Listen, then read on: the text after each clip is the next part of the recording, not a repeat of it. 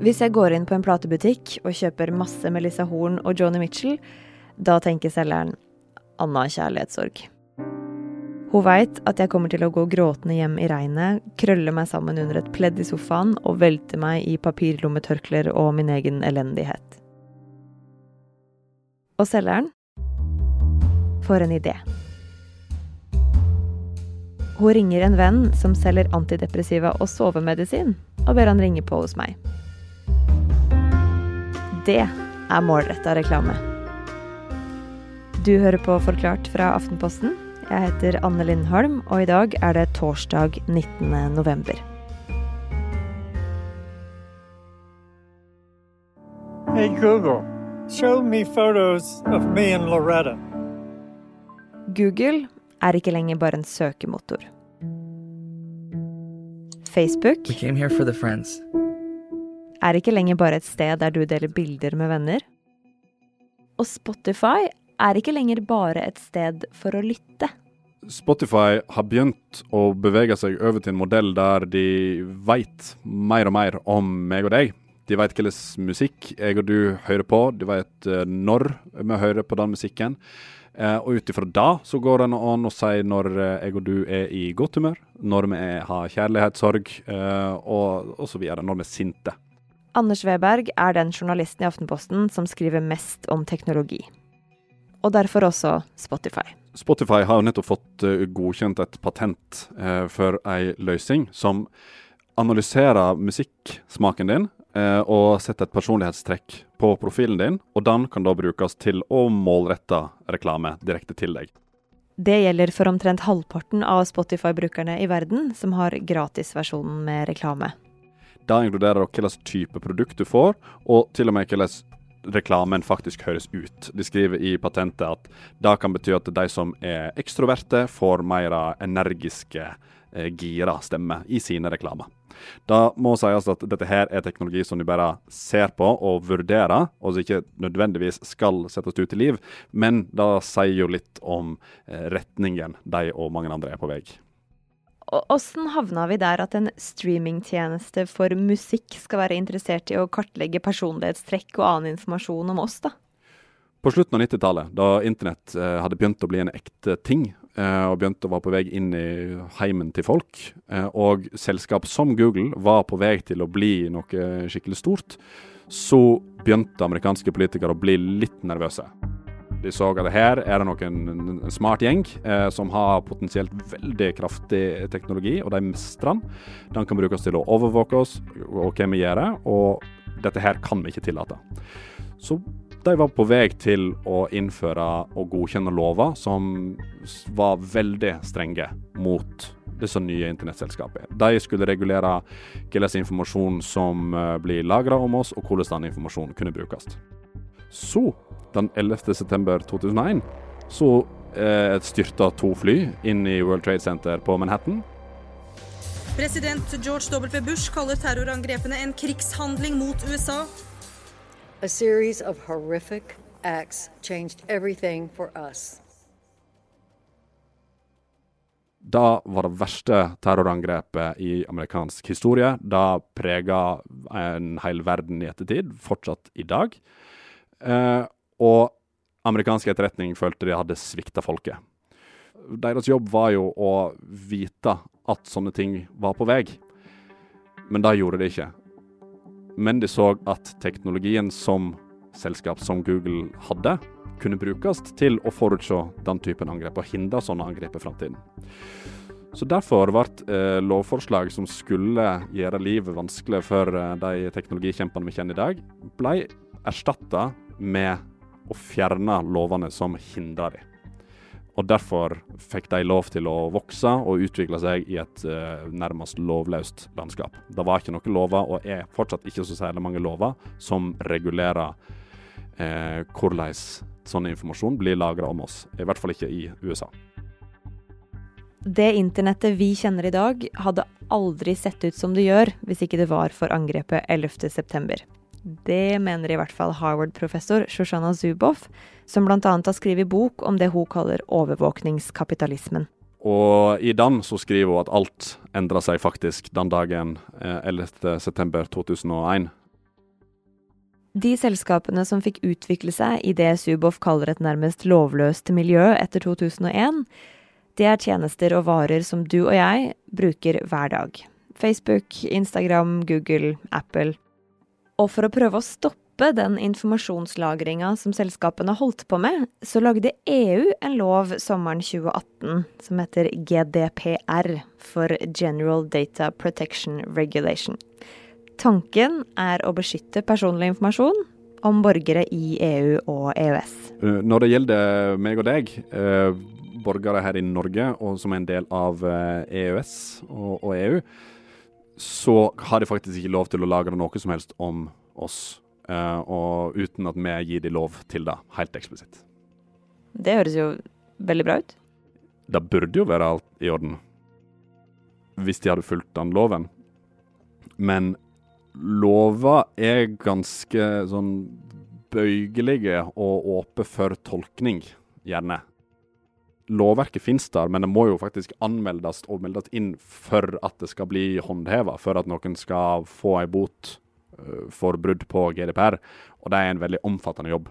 Altså Landskapet som disse her nettsidene og denne her praksisen har vokst opp i, er som nevnt såpass lovløst at det ligger, såpass, det ligger så integrert da, i, i uh, måten internett er bygd opp i dag, at det er en lang vei å gå. Men hvem er det som bryter GDPR da, Anders?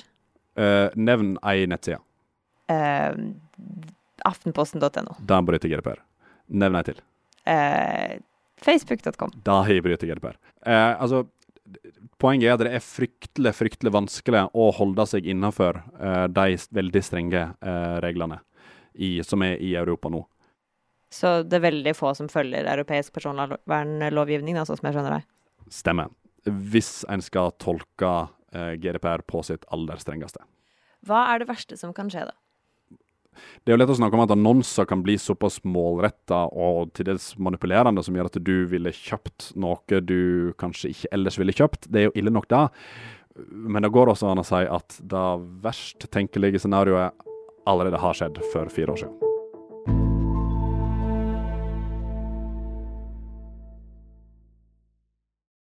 Ifølge Anders Weberg er det to ting som gjør at mange selskaper kan bryte GDPR. Fordi A. Uh, rammeverket rundt uh, internettøkonomien, sånn som den er i dag, legger opp til det. Og B.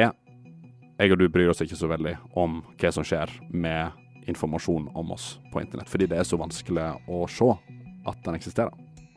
Rammeverket rundt internettøkonomien bygger på det gamle prinsippet om at kunnskap er makt, eller rettere sagt kunnskap er penger.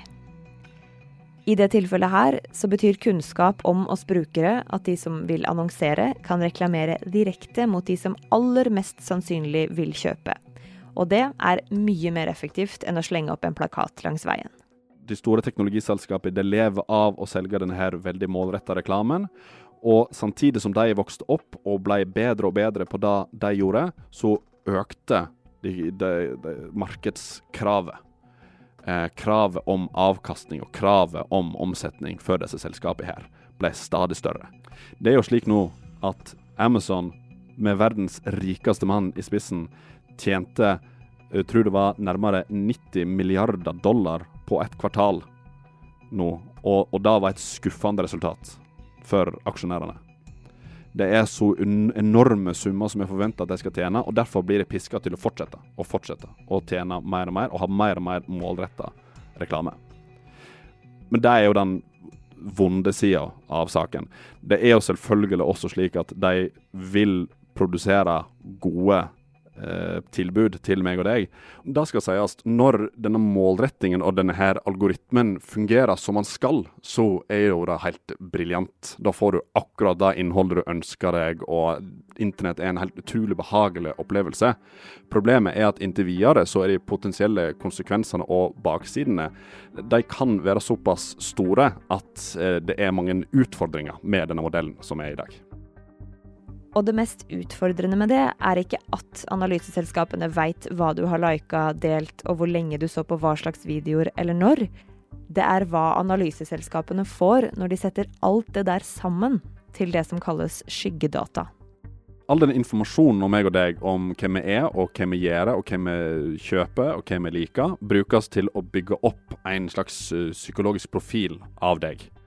Dette her betyr ikke at Google har ei egen mappe der det står Anne Lindholm, eh, der det står et bilde av deg, og der det står 'liker å gå eh, tur og bygge hus og lage mat'.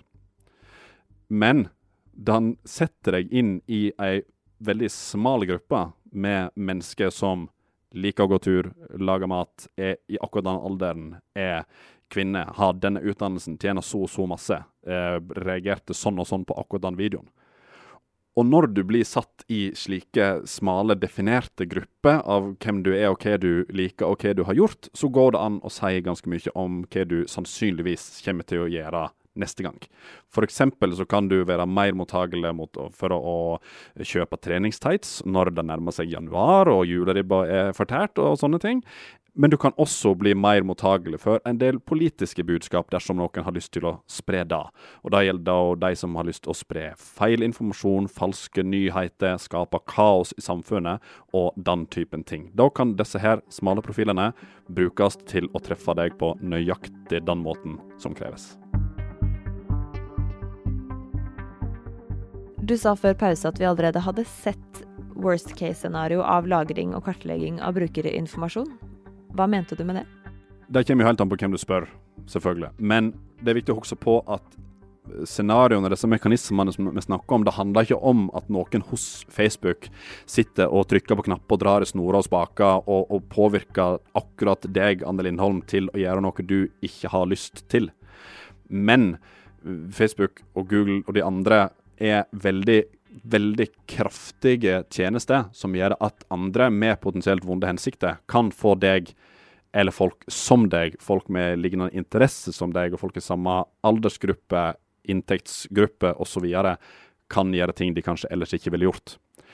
Det gjelder både å kjøpe ting, men det kan også gjelde politiske valg. Og det har vi sett flere eksempler på. Så i 2016, eh, da eh, Donald Trump ble valgt pres til president, så var det veldig mye diskusjon i ettertid av det valget om hvordan sosiale medier ble brukt. Én ting er jo, både, er jo hvordan disse presidentkampanjene brukte det sjøl, uh, med veldig målretta reklame for å overbevise uh, sine velgere. Men her har vi også sett bevis på hvordan uh, utenlandske aktører og f.eks. russiske trollfabrikker brukte sosiale medier til å skape uro i samfunnet. Og å prøve å løfte en eller annen presidentkandidat. Og i dag så sitter vi jo og ser på et veldig splitta USA, en, en, stadig mer polarisert verden. Og det er mange som peker på nettopp misbruk av disse veldig kraftige verktøyene som Google og Facebook er, eh, som har vært med å drive fram den splittelsen. Hvordan forsvarer man seg mot alt det her, da? I dag så har du veldig mange verktøy tilgjengelig for at det ikke skal lagres så masse informasjon om deg. Um, du kan bruke egne nettlesere som ikke sporer deg. Du kan bruke egne apper. Eller du kan bare bryte helt av. Uh, du kan slette Facebook-kontoen din, du kan slette Google-kontoen din, du kan slutte å bruke internett. Men det er ikke en veldig realistisk metode. Uh, så det det handler om her, er jo bare å være bevisst du må vite, du må være, ha en kritisk sans til alt du ser, når det gjelder både nyheter og når det gjelder reklame som blir uh, tilbudt eller presentert for deg. Og så må det være opp til de som lager lover, uh, både i USA, her i Norge og i Europa. Så mye av det er jo opp til mitt indre filter mot reklame, da. Ja. Så hva gjør det da om Spotify f.eks. veit at jeg er lei meg? Isolert sett så betyr det ikke så veldig mye. For det kan jo være en bra ting at du får den spillelista med den triste musikken som du hadde lyst til å høre akkurat da. Men Forbrukerrådet ser på dette her som en urovekkende utvikling, fordi det er med på å forsterke den økonomien som er basert på at store selskap vet mer og mer om meg og deg, og kan bruke den informasjonen til å påvirke avgjørelsene våre.